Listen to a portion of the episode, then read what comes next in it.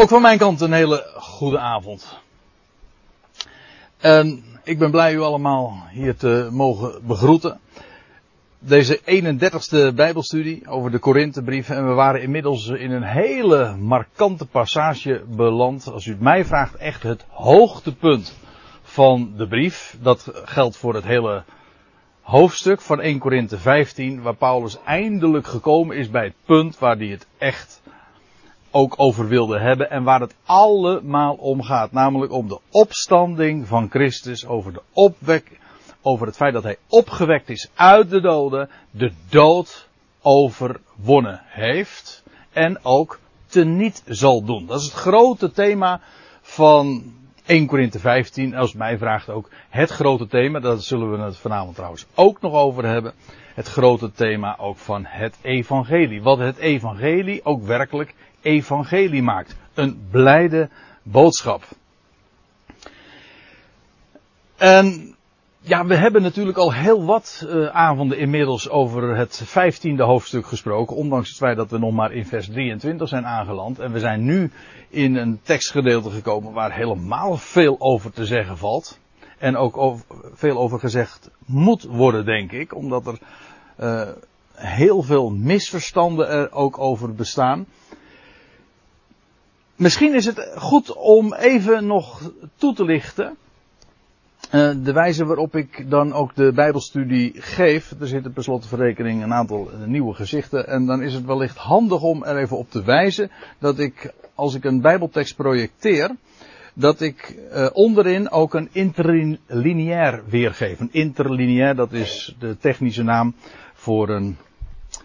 Voor deze weergave. Interlineair betekent gewoon tussen de regels waarbij de eerste regel de Griekse tekst is, in dit geval de tekst die Paulus noteerde. Zelfs het lettertype, het font is nog, is exact hetzelfde als wat toen ter tijd geschreven werd. Daaronder de Nederlandse woord voor woord weergave, die zo letterlijk en ook zo concordant als mogelijk. Dat wil zeggen, concordant betekent zo eensluidend mogelijk. Zoveel mogelijk een één op één weergave. En daaronder, de onderste regel dus, dat is de wijze waarop de NBG 51 het heeft weergegeven. En soms zie je daarin verschillen, soms ook niet. Daar zullen we, daar zal ik u dan ook, uh, als uh, dat zo nodig blijkt, uh, op wijzen. Maar zodat we op deze wijze ook echt zo dicht als mogelijk bij de bron komen, bij de woorden die Paulus zelf geïnspireerd ook heeft genoteerd. En eh, wat is er mooier dan inderdaad zo dicht als mogelijk bij de levende woorden van God te komen. Nou, dit was het vers waar we het de vorige keer over hadden. Ook nog een tweetal versen daarvoor. We hebben vorige keer geloof ik maar drie versen met elkaar uh, behandeld. Maar dit was wel het meest uh, markante vers. Eigenlijk is dit ook van dit hoofdstuk ook het centrum. Waar zo fundamenteel een vergelijking wordt getrokken die simpel is als het maar kan. Een zuigeling, bij wijze van spreken, die net heeft leren praten, die zou het al kunnen begrijpen. Zoals in Adam allen sterven, ik ga het niet nog eens een keertje dunnetjes over doen wat we de vorige keer hebben besproken. Maar het is wel even goed om nog even goed te focussen. Wat was nou precies de statement die Paulus neergezet heeft? Waar gaat het nou eigenlijk om? Uh, waarbij uh, hij dus zegt, want evenals in Adam alle sterven, tegenwoordige tijd stervende zijn. Hier wordt niet eens gezegd dat, dat allen in Adam levende wezens zijn. Nee, wij worden geen levende wezens genoemd. We worden, zo noemen we elkaar en onszelf per slotverrekening ook, maar al te vaak en terecht. Dat is wat, precies wat we zijn. We zijn stervelingen. Dat is wat hier eigenlijk ook staat. Er staat hier allen stervende zijn. Uh, oh, wacht, dat is. Ik, ik had net een fout uh, voorbeeld gegeven, want Net deze weergave van de interlineair staat er niet meer bij. Nou ja, dan moet u me even niet kwalijk nemen. Maar in elk geval, hier, dat hebben we de vorige keer dus gezien. Zoals in Adam allen stervende zijn, stervelingen zijn, bezig zijn dood te gaan. Het wordt dus geen leven genoemd. Waarom wordt het geen leven genoemd? Omdat het contrast in de tweede regel, in de parallelzin, dat is leven. Daar, dan is er wel sprake van echt leven. Dat wat wij hier kennen, dat noemen wij leven, en dat, dat noemt de Bijbel ook heel dikwijls leven, maar het is leven tussen aanhalingstekens, niet echt. Het is eigenlijk een proces waarbij we op weg zijn naar de dood, kortom, sterven. Al of niet terminaal, dat maakt niet uit, maar het is een, een onomkeerbaar proces dat eindigt in de dood. Dat is wat sterven is. Nou, hier wordt het feit gesteld, alle mensen, heel het mensdom, sinds en ook uh, vanuit en uit hoofden van Adam, Adam is per slotverrekening het hoofd, in hem zijn allen stervende. Nou, allen zijn hier inderdaad echt allen. Dat kan niet missen. Er is geen mens die kan zeggen van nee, hier ben ik een uitzondering op. Ik ben geen sterveling. Dit is een gegeven. Een waarnemingsfeit. Zoals in Adam allen stervende zijn, zo zullen ook. De vergelijking is, ik zei zojuist al, simpel, zodat zelfs een kind het kan begrijpen. Zo zullen ook in Christus, de naam van de gezalfde, de titel die hem ook speciaal toekomst sinds zijn opstanding uit de doden. Toen heeft God hem ook tot Heer, staat er in Handelingen 2, zegt, dat zijn woorden van Petrus. God heeft hem tot Heer en tot Christus gemaakt. Tot gezalfde. Gezalfd namelijk met olie, of eigenlijk gezalfd met dat wat, waar olie een beeld van is, namelijk leven, geest. Zo zullen ook in Christus allen levend gemaakt worden. Waarbij hier sprake is van allen en hier wederom van allen. Hier is sprake bij Adam van sterven en in Christus is het precies het omgekeerde. Geen proces waarbij de dood zijn werk doet. Nee, het proces waarin het leven gestalte krijgt. Echt leven, dat waarom leven eh, genoemd wordt, omdat het de dood achter zich heeft. Sterven is, het typerende van sterven is dat het de dood voor zich heeft. Het kenmerk van dit leven is dat het de dood achter zich heeft. Wel, in Adam sterven alle, zo zullen ook in Christus allen levend gemaakt worden. Dit is geen keuze van iemand. Er wordt geen mens uh, geboren uh, aan wie de vraag wordt voorgelegd of de keuze krijgt van uh, wil jij een sterveling zijn of wil jij een, een, zondaar zijn. Nee, dat zijn wij. We hebben de vorige keer trouwens ook dit gedeelte gelegd naast Romeinen 5. Want er zijn eigenlijk twee hoofdstukken waarin Paulus heel fundamenteel naar voren brengt uh, de gelijkenis tussen Adam. Niet alleen de gelijkenis, maar ook het contrast tussen Adam en Christus. Dat doet hij hier, in Korinthe 15 en in Romeinen 5. En alle mensen zijn uh, zondaren. Romeinen 3. Hoe, het is heel vervelend, maar ik ben mijn Bijbeltje vergeten mee te nemen. Dankjewel. Is dit een MBG-vertaling? Ja. Hier staat Oké, okay, oh.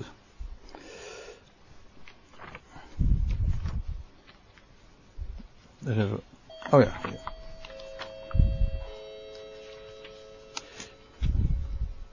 Ik denk aan de woorden uh, van Romeinen 3. Want zij hebben, dus trouwens de Statenvertaling.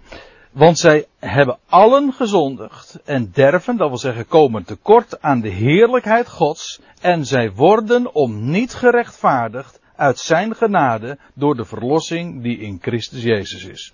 Alle hebben gezondigd, alle derven de heerlijkheid Gods en alle worden om niet gerechtvaardigd uit zijn genade door de verlossing die in Christus Jezus is. Nou, dat is Romeinen 3, maar het is zo'n basale waarheid.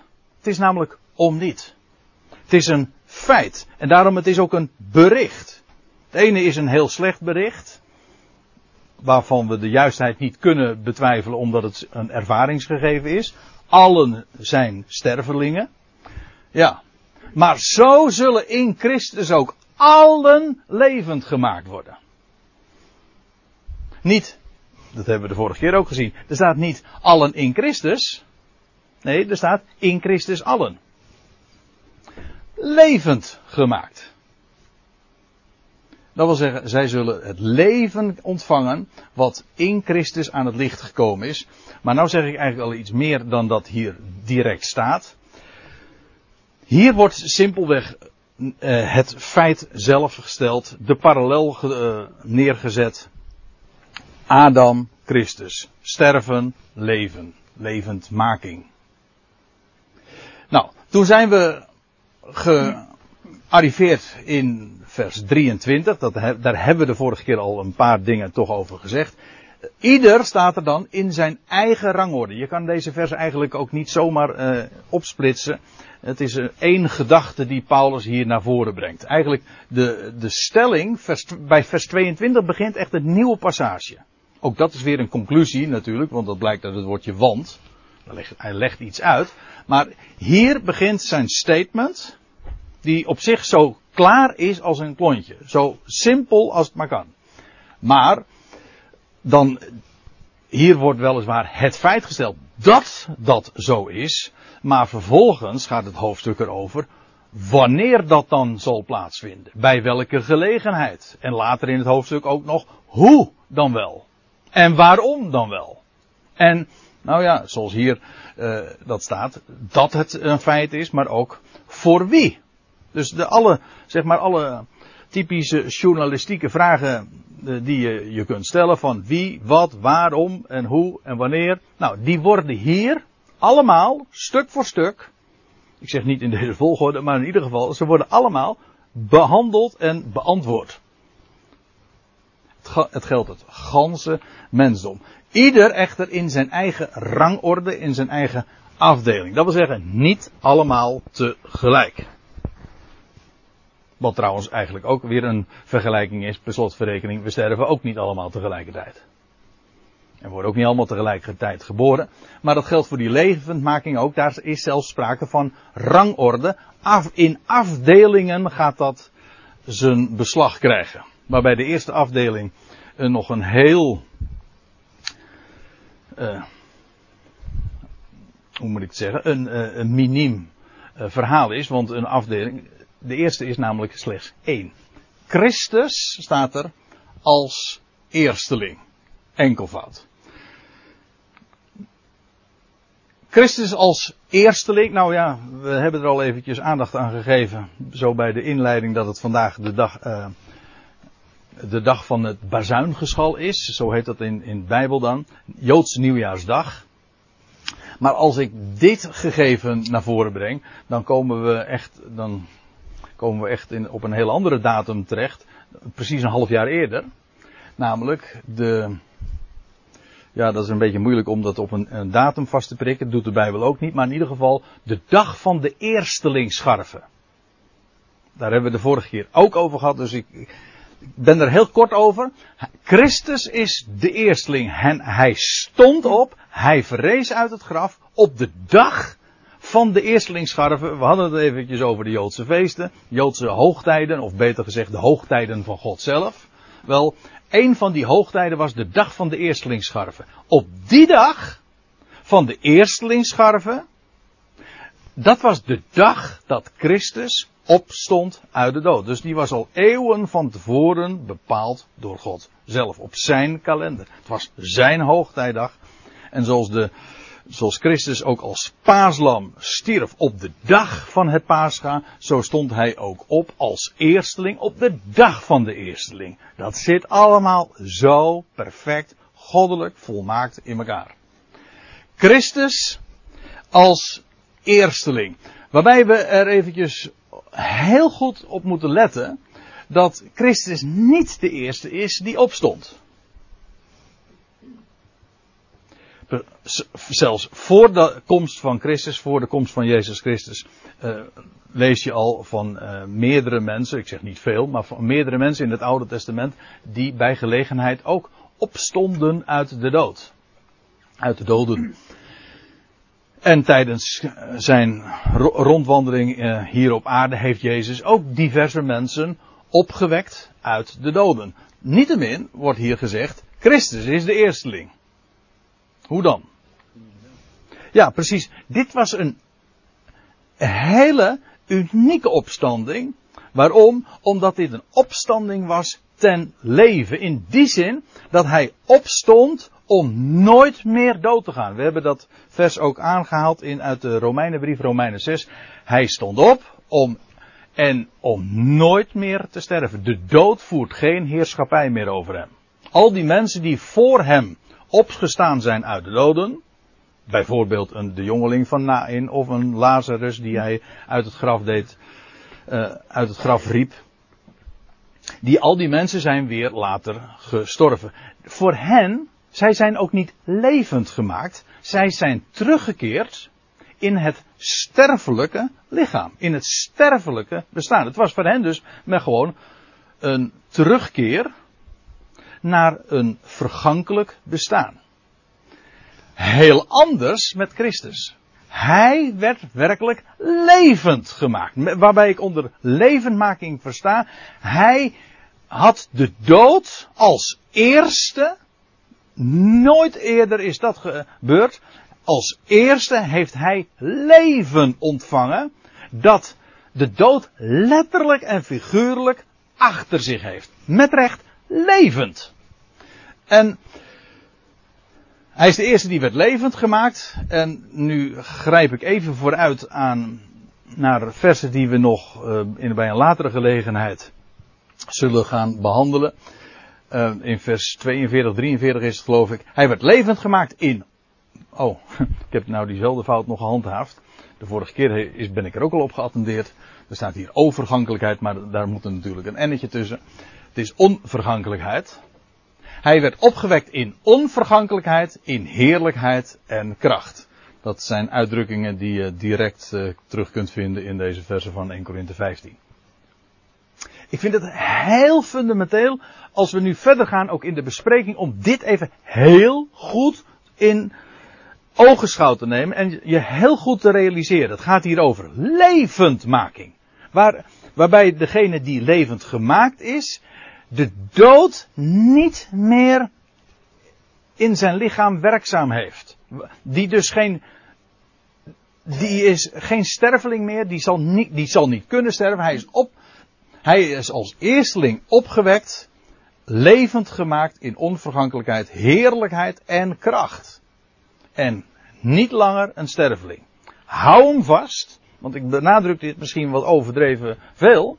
Maar uh, het belang ervan kun je nauwelijks onderschatten, juist ook voor de rest van het verstaan. Nou, dan krijg je de volgende lichting. Dit Christus als eersteling, dat verwijst uiteraard naar het historische feit, waar al eerder in dit hoofdstuk uitgebreid op ingegaan was. Christus is opgewekt uit de dood. Ik bedoel, dat is het een historisch feit, gedocumenteerd en wel door vele getuigen bevestigd. En we hebben de documenten hier gewoon zwart op wit staan. Dus daar, uh, dat, hoef je, dat hoef je niet te bewijzen. Het is gewoon een, het is een bewezen feit. Vervolgens staat er, dat was de eerste. Heeft wel een geweldige belofte in zich. Als je zegt, als je het woordje eersteling gebruikt. Want dat betekent, als je eerste zegt, dat betekent, er volgen er meer. Nou, dat is in dit geval echt een understatement. Want Christus is de eersteling, maar niet zomaar van, eh, van, van een, een groep. Zelfs niet van velen, maar van allen. Want dat was de vorige zin, toch? In Adam sterven allen, zo zullen in Christus allen levend gemaakt worden. Hij is de eersteling dus van allen. Vervolgens, daarna, degene die van de Christus zijn, zo staat het letterlijk, bij zijn komst. Als u het, eh, als het heel letterlijk zegt, in de parousia van hem. En parousia is natuurlijk een Grieks woord, dat is geen, uh, geen Nederlands begrip, hoewel. Uh, ja, het is maar net, uh, dat geldt voor wel heel wat meer woorden. Als je ze nou maar gewoon vaak genoeg gebruikt, dan wordt het vanzelf Nederlands. Dat geldt voor het woord, per slotverrekening, het woordje Christus is ook een Grieks woord. Maar uh, niettemin gebruiken we het te pas en te onpas. Als je het helemaal correct zou doen, Nederlands zou zeggen, dan zou je zeggen, uh, gezalfde. En dan zouden we ook niet spreken over apostelen, maar dan zouden we spreken over afgevaardigden. Apostel is een Grieks woord. Een beetje ver, verlispot eh, in, naar, in, naar het Nederlands, maar dat, uh, dat even terzijde. In ieder geval, Christus als eersteling. Inmiddels een kleine 2000 jaar geleden. Vervolgens die van de Christus zijn. Dat is een, een groep, dat is een afdeling. Want daarmee, al, al degenen die niet van de Christus zijn, horen daar uiteraard niet bij. Dit is een beperking. De volgende afdeling, de volgende rangorde, zo u wilt, is, betreft degene die van de Christus zijn. En wanneer zal dat zijn? In zijn parousia. In zijn komst. Eh, nou heb ik daar helemaal geen moeite mee met dat woord komst. Als je alleen maar niet denkt, alleen maar aan een, bij een uh, aankomst. Dus één moment. Want dat is namelijk niet eh, de gedachte. Vandaar ook dat er eigenlijk sprake is van in zijn parousia. Dat woord parousia betekent letterlijk aanwezigheid. Je hebt ook de tegenstelling apousia, dat is afwezigheid. Maar uh, parousia betekent letterlijk erbij zijn. De, ja, erbij zijn en dus aanwezigheid. De aanwezigheid is niet één moment van aankomen of van arriveren. Nee, in zijn parousia betekent in zijn aanwezigheid. Christus is vandaag afwezig hier. Hij is namelijk momenteel op een andere plaats. Hij zal terugkeren en straks zal hij aanwezig zijn. Nu is hij afwezig. Straks keert hij terug en dan breekt, let op, de periode aan van zijn aanwezigheid. Wij spreken ook over de eerste komst van Christus. Daarmee doelen we niet alleen maar op zijn geboorte op, eh, in Bethlehem. Toch? Bij zijn eerste komst denken wij niet alleen maar aan zijn arriveren in, als ik het zo mag zeggen, of zijn geboorte in Bethlehem, maar ook zijn ver, verblijf daarop volgend. Tot aan zijn hemelvaart aan toe. Dat is allemaal de eerste komst van Christus, nietwaar? Wel, de tweede komst, of zijn parousia, wat uh, nauwkeuriger of wat bijbelser gezegd, zijn parousia is ook niet een moment, het is zijn aanwezigheid. Als hij niet langer afwezig zal zijn. En in zijn parousia zullen degenen levend gemaakt worden die van de Christus zijn, die hem toebehoren. Ja. En die levendmaking, die krijgt nogal wat namen in de Bijbel. Want uh, heel veel uitdrukkingen, nou heel veel is overdreven, maar heel wat uitdrukkingen die we, uh, die nogal uh, links en rechts in met name het Nieuwe Testament een grote rol spelen, die gaan juist over de levendmaking bij die gelegenheid. Het wordt genoemd een opstanding uit de doden. Ik geloof dat we er al een keertje eerder bij een, niet de vorige keer, maar bij een eerdere gelegenheid eraan gedacht hebben. Dat opstanding uit de doden, dat betekent maar niet opstanding uit de dood. Ik denk dat de meeste mensen dat zullen denken. Je, bent dood en je staat op uit de dood. Gek genoeg, de Bijbel kent die uitdrukking niet eens. Opstanding uit de dood. Dat is eigenlijk haast een pleonasme, want je staat op per definitie als je dood bent. Nee, het is een opstanding uit de doden. Dat doden is een aanduiding van dode mensen. Daar zijn allemaal, stel je het je voor, je hebt allemaal dode mensen. Doden dus. En een aantal van die, eh, van die doden staan op. Dat is een opstanding vanuit de doden. Dat wil zeggen met achterlating van de andere doden die in het graf blijven. Dus met achterlating van de overige doden. Die uitdrukking ontleen ik dan weer in openbaring 20. Daar lees je, laat ik dat dan meteen maar even zeggen. Opstanding uit de doden, dat is een uitdrukking die je vindt in Lucas 20. Ik geef maar één uh, verwijzing iedere keer. Wellicht dat er bij verschillende uitdrukkingen meer schriftverwijzingen te noemen zijn, maar goed. De eerste opstanding. De eerste opstanding is trouwens ook niet een moment, het is een soort opstanding. Namelijk de opstanding uit de doden. In openbaring 20 vers 6 lees je dat ook voordat die duizend jaren dan aanvangen. Waarover ik nu verder niet in details ga treden, want dat, is- dat is weer een heel andere chapiter. Maar eh, als, eh, voordat die duizend jaren gaan aanbreken, als Christus, als de Satan gebonden zal zijn en Christus gaat heersen op aarde, dan lees je over een eerste opstanding. En dan staat er, en de overige doden, die werden niet wederlevend voordat de duizend jaren voleindigd waren. Nou, dat is met recht een opstanding uit de doden. Dus terwijl de overige doden gewoon in het graf blijven. Dat is dus een selectie. Is dan ook gelijk de opname, de eerste opstanding? Of kan je dat, de, zou dat zo kunnen zetten? Of- Eh, er wordt hier gevraagd, ik, moet dat, ik ben namelijk ook aangesproken de- deze week, van wij horen niet wat er, ah, wat er eh, gevraagd wordt. Met name de vorige keer werden er nogal, waren er nogal wat interrupties, daar zeg ik helemaal niks van. Maar eh, dan hoor je vervolgens de MP3 en dan hoor je de MP3 en dan hoor je mij antwoord geven, maar dan weet je niet, ja dat is een leuk antwoord, maar wat was de vraag eigenlijk? En dat is hinderlijk. Dus ik heb beloofd, degene die mij erop aangesproken heeft, ik ga er voortaan uh, op letten dat ik de vraag zal gaan herhalen. Jij zegt, uh, de vraag is dus, uh, gaat dat hier over de opname? Goh, nou vraag je wel wat Daniel, want ja en nee. de eerste opstanding, het is veel breder begrip. Ik kom er straks nog even op terug bij de volgende dia. Want het is wat complexer, sorry, dan, dan dat ik zomaar met ja of nee kan beantwoorden.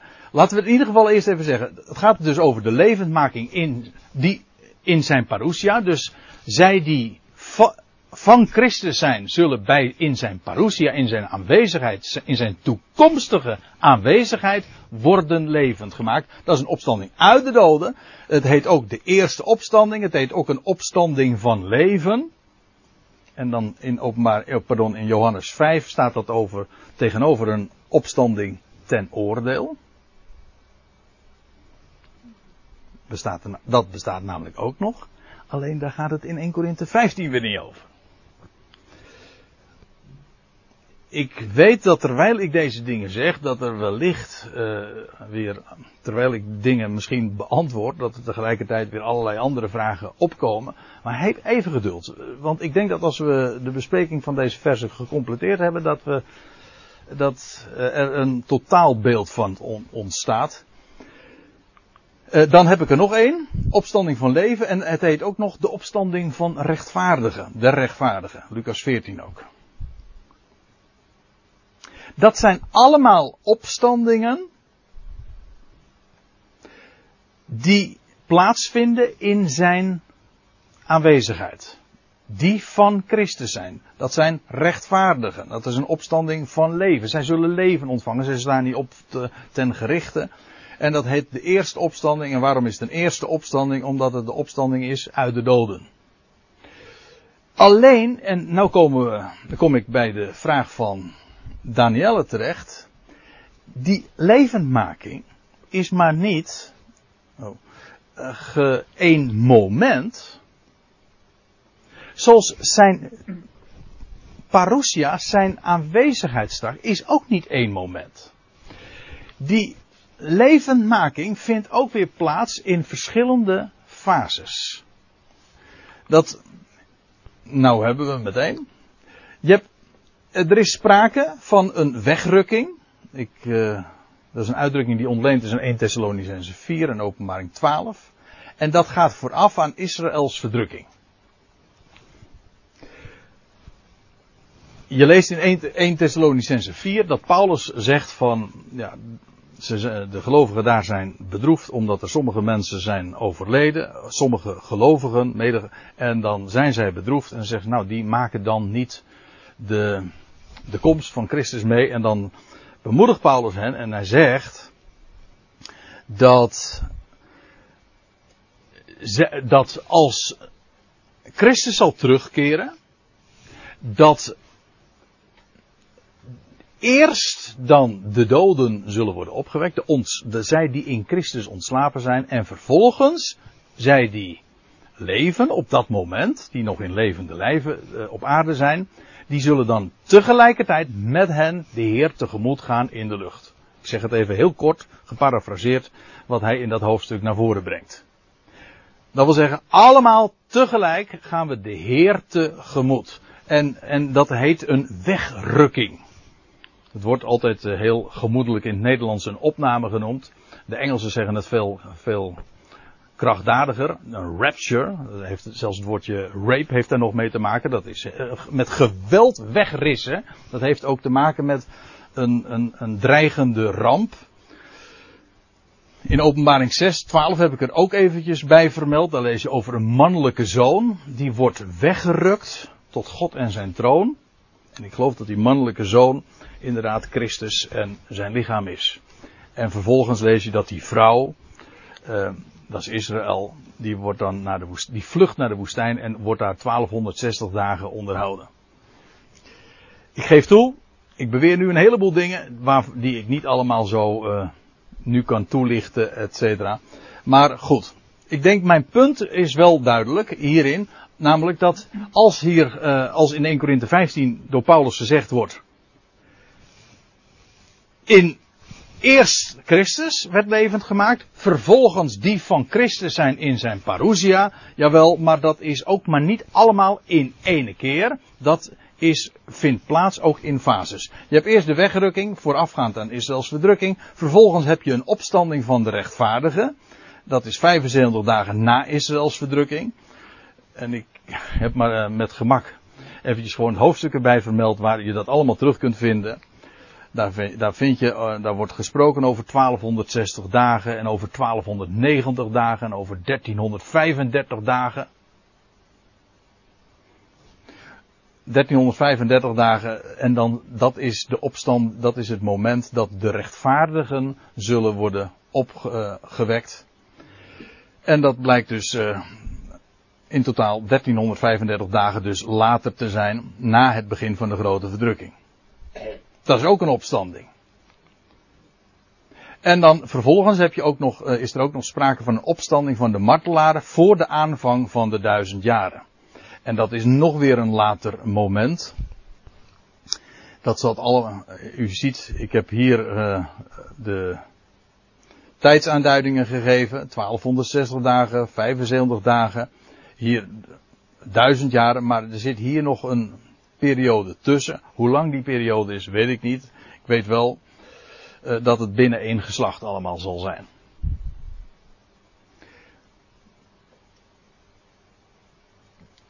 Waarom zeg ik dit?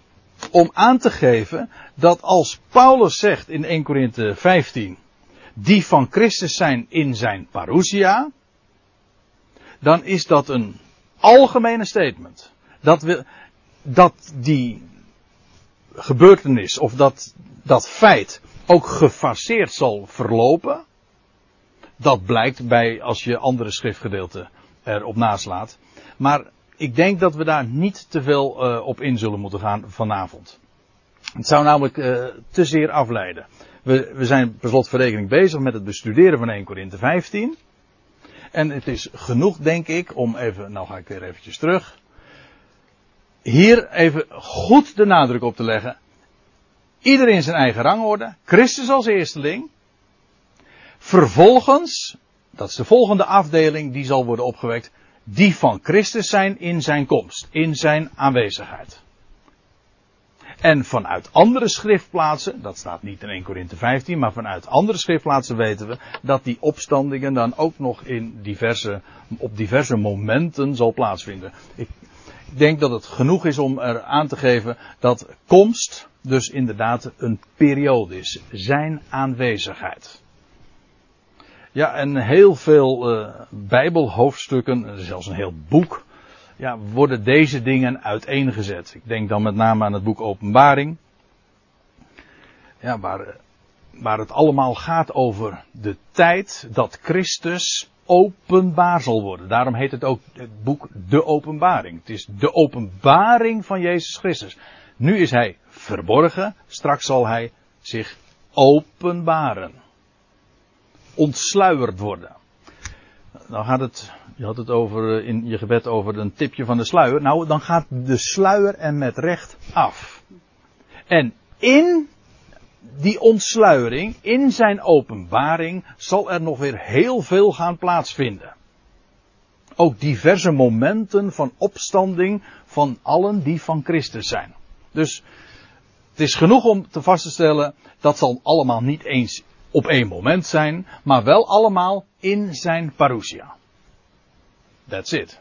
En als je die eh, verschillende fases, uh, wat ik zojuist even uiteenzette, of in ieder geval naar voren bracht, als je dat allemaal niet even kan volgen en, en te veel is, dan zeg ik vergeet het ook even, want dat doet voor dit verhaal niet echt ter zake. Het gaat nu over om, Christus is opgewekt, en de volgende afdeling is in zijn parousia. Wie zullen dan worden opgewekt? Wel, zij die van Christus zijn. En al die andere dingen die ik er zojuist aan toevoegde, dat zijn uh, uh, voetnoten. Niet meer dan dat bij dit gegeven. Eigenlijk dit gegeven. Ik maakte het zojuist even moeilijk omdat ik allerlei andere schriftplaatsen erbij betrok.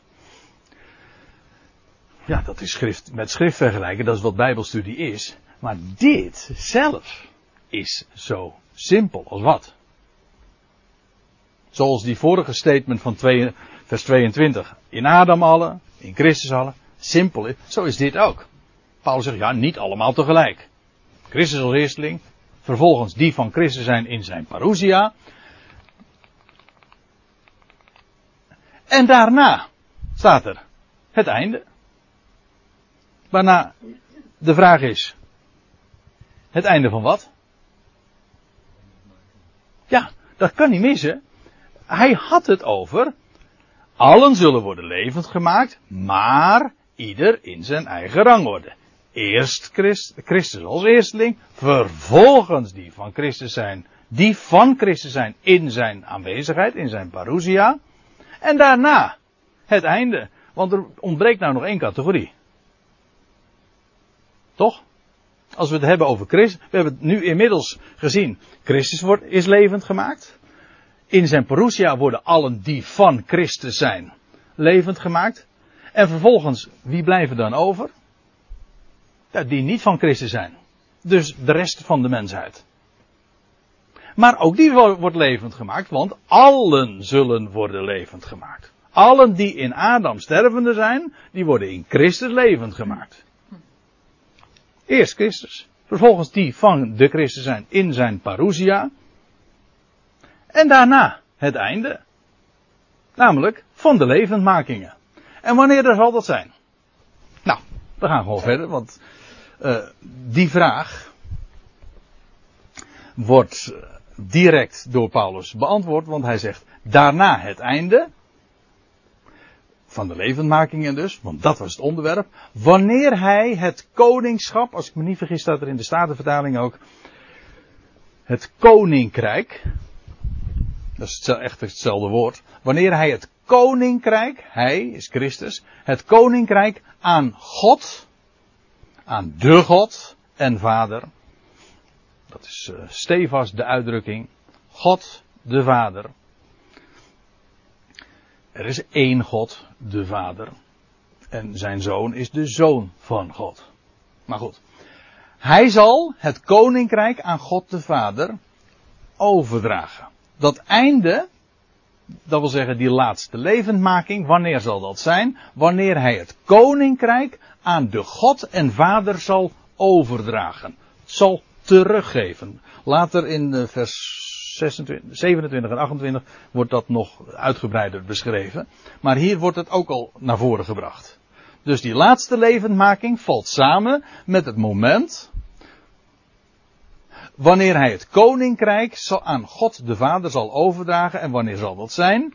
Wanneer hij alle heerschappij en alle macht en kracht al overheden, autoriteiten, dat wil zeggen gedelegeerde macht, zal eh, ontroond zal hebben. Dat woord ook nu zou ik weer even kunnen verwijzen naar de Statenvertaling, maar ik zeg het met enige, enige voorzichtigheid, maar ik meen dat de Statenvertaling hier ook heeft teniet gedaan zal hebben. Klopt dat? Ja, de nieuwe Statenvertaling. Oh, de nieuwe Statenvertaling. Oh ja, goh, ik heb het hier zelf voor me natuurlijk.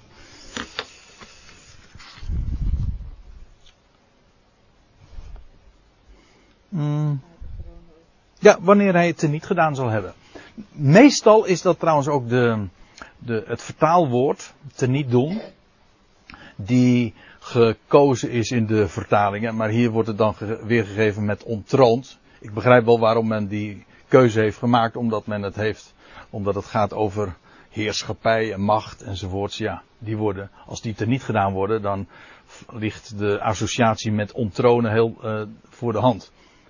Ik heb er trouwens ook niet zoveel bezwaar tegen, behalve dan dat uh, hier echt gesproken wordt over uh, het onwerkzaam maken. Te niet doen. Nullifying, zegt de Engelse Concordant Version. Hij zal dat allemaal te niet doen. Alle heerschappij, macht en kracht zal hij dan te niet gedaan hebben. En dan volgt er verder. Want hij moet als koning heersen. Hij zal koning zijn. Dus eigenlijk als koning heersen is één woord, ziet u hier in het Grieks. Hè? Hij zal koning zijn. Maar goed, wat doet een koning? Heersen. Dus hij zal koning zijn totdat, hè, tot op, totdat hij al zijn vijanden onder zijn voeten gelegd heeft. Zodat je dus ook ziet dat als het hier gaat over heerschappij en macht en kracht, dan gaat het over vijandige heerschappijen en machten en krachten. Hij moet koning zijn, als koning heersen zo u wilt, totdat, tot op, hij, totdat hij al zijn vijanden onder zijn voeten gelegd heeft. En de Bijbelkenners onder u weten dat Paulus hier direct zin speelt op de woorden in Psalm 8. Waar, waar, gesproken wordt over wat is dan de mens? Of wat is de zoon des mensen? De zoon van Adam staat er dan. Dat gij, gij hebt hem een korte tijd beneden de engelen gesteld. Maar nu, met eer en heerlijkheid, hebt gij hem gekroond. Ik weet, dat wordt meestal op de mens in het algemeen toegepast. Maar dat doet de Bijbel niet. Daag me niet uit, want uh, dan, uh, dan, zouden we, dan zouden we echt wel uh, hele duidelijke schriftplaatsen over kunnen aanhalen. Hebreeën 2 zegt dat zo duidelijk, het gaat daar over Christus in Psalm 8. En alles wordt onder zijn voeten gesteld. En wat is alles? Nou, dat is echt alles. Niets uitgezonderd. Dat zullen we straks ook nog lezen. Vers 27 en 28. Niets uitgezonderd. Alles. Hij zal koning zijn totdat hij al zijn vijanden onder zijn voeten gelegd heeft. Ze dienen slechts als zijn voetbank. Ze hebben dus wel een functie, maar deze functie dus. Maar wat ik zo frappant vind, is dat hier iets gezegd wordt waar eh, toch de traditionele christen eigenlijk geen raad mee weet. Want hier staat iets wat toch strijdt met dat wat we altijd uh, onderwezen hebben gekregen. En waar zoveel liederen ook over gaan. Namelijk Christus. Nou, laat ik eh, eens een paar voorbeelden geven. Ik, ik neem u even mee naar openbaring 11. Vers 15. Dan lees je dit. Dan wordt de, de zevende engel, die blaast de zevende bazuin. En dan staat er, het koningschap, ook hier weer trouwens het koninkrijk, het koninkrijk van de wereld is gekomen aan onze Heer en aan zijn gezalfde. Nee, hier wordt het trouwens wel vertaald. Aan zijn Christus dus. En hij zal als koning heersen, staat er in de MBG, kan niet schelen, alle vertalingen staat dat. Hij zal als koning heersen tot in alle eeuwigheden. Of misschien staat er in de Statenvertaling uh, tot in alle eeuwigheid. Maar uh, woorden van gelijke uh, strekking. Hé. Hey, maar dat roept toch een probleem op. Want, wat is het nu? Heerst Christus nou tot in alle eeuwigheden? En ik lijkt mij toch toe dat als je zegt tot in alle eeuwigheden, dat daar toch echt geen eind aan komt. Als er aan een eeuwigheid al geen eind komt, dan toch zeker niet aan eeuwigheden. En dan zeker niet alle eeuwigheden. Hm? Wat natuurlijk, als ik het zo zeg, al uh, op zich weer merkwaardig is, want dat, dat, kan helemaal niet. Als een eeuwigheid eindeloos is, dan kan er natuurlijk niet zoiets zijn. Als je het gewoon strikt neemt, als je het mathematisch opvat, dan kunnen er geen sprake zijn van uh, eeuwigheden. Niet waar? Als iets eindeloos is, iets langer, iets dat nog langer duurt dan eindeloos, dat bestaat niet. ja. Ja. Ja, ik moet even denken aan die, uh, dat is zo'n uh, zo'n liedje van Toon Hermans, die uh, dan zingt. Ja, nou, dat is een beetje link wat ik nu doe, want ik, kan, ik ga het sowieso niet voorzingen, maar dat, die, dat, dat gaat over vader gaat op stap. Hm? En dan, en dan zingt hij op een gegeven ogenblik. Nou ja, zit mijn jasje goed, zit mijn dasje goed. En vader die gaat aan de bommel. En, en, dan, en dan komt hij een, zo'n een, een, vreemde vrouw tegen. En nou, dat wordt dan wat. En die, die vrouw die zegt dan, uh, een Duitse dame, eeuwig uh, wil ik bij dir, bij dir blijven. En, en, dan zegt, en dan reageert hij, maar dat vond vader toch wel wat lang. hij, wil, hij wilde alleen maar een avondje op stap. Ja, eeuwig wil ik bij je blijven. Maar dat vond papa toch wel heel erg lang. Nou ja, inderdaad, dat is wat wij onder eeuwig verstaan, nietwaar? Eeuwig, daar komt geen uit. En alle eeuwigheden al helemaal niet. Maar het ging maar even, waar, het ging maar even om het punt dat dit totaal niet te rijmen is met dit. Hij moet als koning heersen totdat. En we zagen zojuist al in het voorgaande vers al, hij zal het koninkrijk ook overdragen. We zullen dat straks in vers 27 en 28 ook zien. Nou, de vraagstelling lijkt mij toch heel duidelijk. Hoe zit het nou? Komt er een, een einde aan zijn heerschappij? 1 Korinthe 15 zegt, jazeker. Hij heerst maar niet altijd. Hij zal zijn, hij, zijn heerschappij heeft een vervulling. Het zal niet langer meer nodig zijn. Het, het vindt een voltooiing. Het krijgt een culminatie, zoals dat met een mooi woord heet. Hij moet als koning heersen totdat. Maar nou ga ik u meteen uit de droom helpen, want voordat u nu denkt van dat ik eh, tegenstellingen, tegenstrijdigheden in de Bijbel zit aan te wijzen, dat is totaal niet aan de orde. Die tegenstrijdigheid zit namelijk niet in de schrift, die tegenstrijdigheid zit hem volstrekt helder gewoon in de weergave die ze ons wijs hebben gemaakt. Ik zeg het nou misschien niet zo erg aardig, maar daar komt het toch echt op neer. Want wat, wat hier staat, tot in alle eeuwigheden, het is een beetje een kleine interlineaire weergave. Dat staat er gewoon niet. Er staat gewoon tot in de ionen van de ionen. Dat is wat er staat. En dat woordje ionen, wat hebben de vertalers daarmee gedaan? Doorgaans. Dat hebben ze doorgaans op twee manieren weergegeven. Ik zeg het nu even versimpeld. Maar of men gaf het weer met eeuwen. Dan niet in de zin van periodes van 100 jaar, maar van tijdperken. Of men gaf het weer met eeuwigheden. Maar dat is vreemd. Een woord dat kan betekenen tijdsperioden, tijdperken. En tegelijkertijd ook een aanduiding kan zijn van een periode zonder eind. Dat kun je niet eens een periode meer noemen. Hm? Een eindeloze tijd. De schrift spreekt over ionen. En de Bijbel spreekt ook over voor de Ionen. De Ionen hebben een begin. Ik ben groot geworden met de uitdrukking uh, dat God besloten heeft voor de beginloos. Nee, uh, hoe was het nou ook alweer? Hè? of, ja, voor, uh, of in de onbegonnen eeuwigheid. Nou, dat is een theologische constructie. De schrift kent het niet. De schrift spreekt over voor de Ionen. De Bijbel spreekt ook over het einde van deze Ion, maar de Bijbel spreekt ook over de voleinding der Ionen. Het idee van een beginloze of eindeloze Ion is weliswaar uh, in de theologie uh, terechtgekomen, zie daar. Dan, dan krijg je een eeuwigheid of eeuwigheden, wat op zich dus al een innerlijke tegenstrijdigheid is. Maar dat kent de schrift niet. De Bijbel spreekt over Ionen.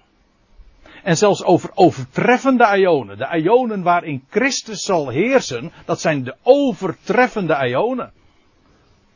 Zoals je ook het lied der liederen hebt, dat, of de koning der koningen, of de heren der heren, dat is, dat is een overtreffende trap. Hij is de koning der koningen.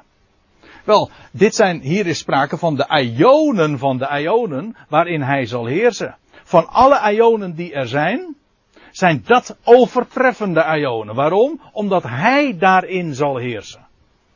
En dat is precies ook karakteristiek van die ionen der ionen. Christus zal daarin heersen. Niet eindeloos, maar tot in de ionen van de ionen. En als je het weergeeft, gewoon zoals het er staat, gewoon woord concordant, letterlijk, dan is, er, dan is het A helder. Dan heb je geen innerlijk tegenstrijdige terminologie, zoals eeuwigheden. Trouwens, wat dacht u ervan? Hier is sprake van alle. Staat dat hier? Dat is helemaal geen alle. Dat, hebben de, dat, dat is er allemaal uit de duim gezogen. Daar zit zoveel interpretatie en theologie in. Maar het, het verduistert ook daarmee ons zicht op deze waarheid, namelijk dat zijn heerschappij een voltooiing zal vinden. En het verduistert ons zicht op nog veel meer, namelijk dat de, de levendmakingen een einde zullen hebben. Dat wil zeggen, een voltooiing zullen krijgen. En allen zullen worden levend gemaakt. Op het moment dat je een eindeloze heerschappij van Christus krijgt, kom je dus nooit toe aan de laatste levendmaking. Zie daar het grote probleem van de theologie. Want die laatste levendmaking, zij die niet van Christus zijn, dat is een duistere vlek. Zodat de dood ook eindeloos blijft bestaan. Ik, uh, ik refereerde zojuist al eventjes aan termen waar ik mee groot geworden ben, maar uh, ik hoorde in, uh, in de kerk altijd spreken over de nim, zij, de goddeloze of de ongelovige of hoe dat maar heten mag, die, wat, wat rest er voor hen?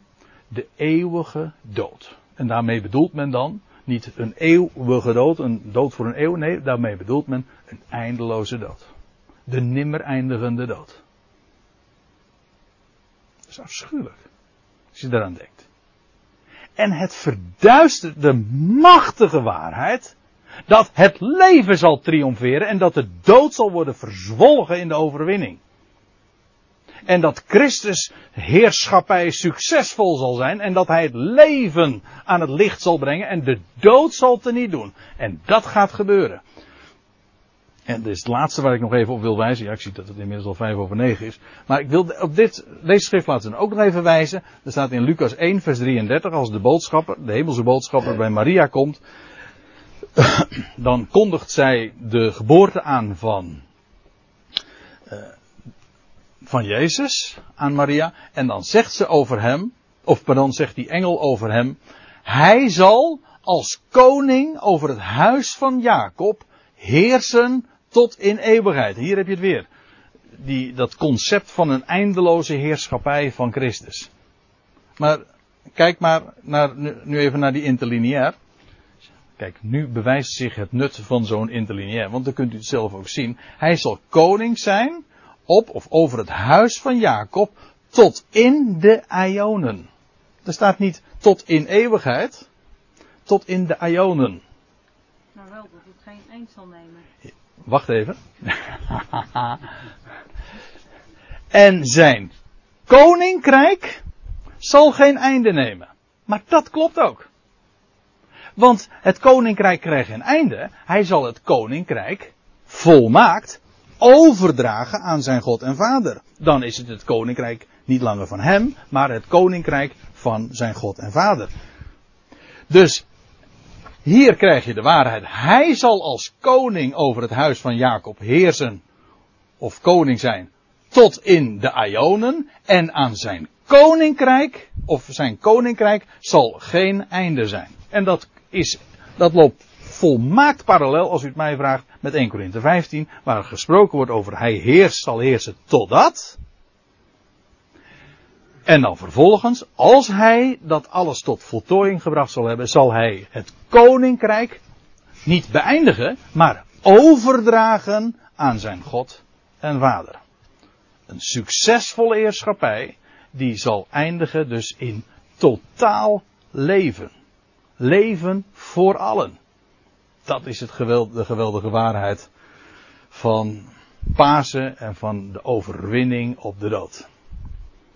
En daar ben ik erg blij mee. Zullen we eerst even een kopje koffie drinken?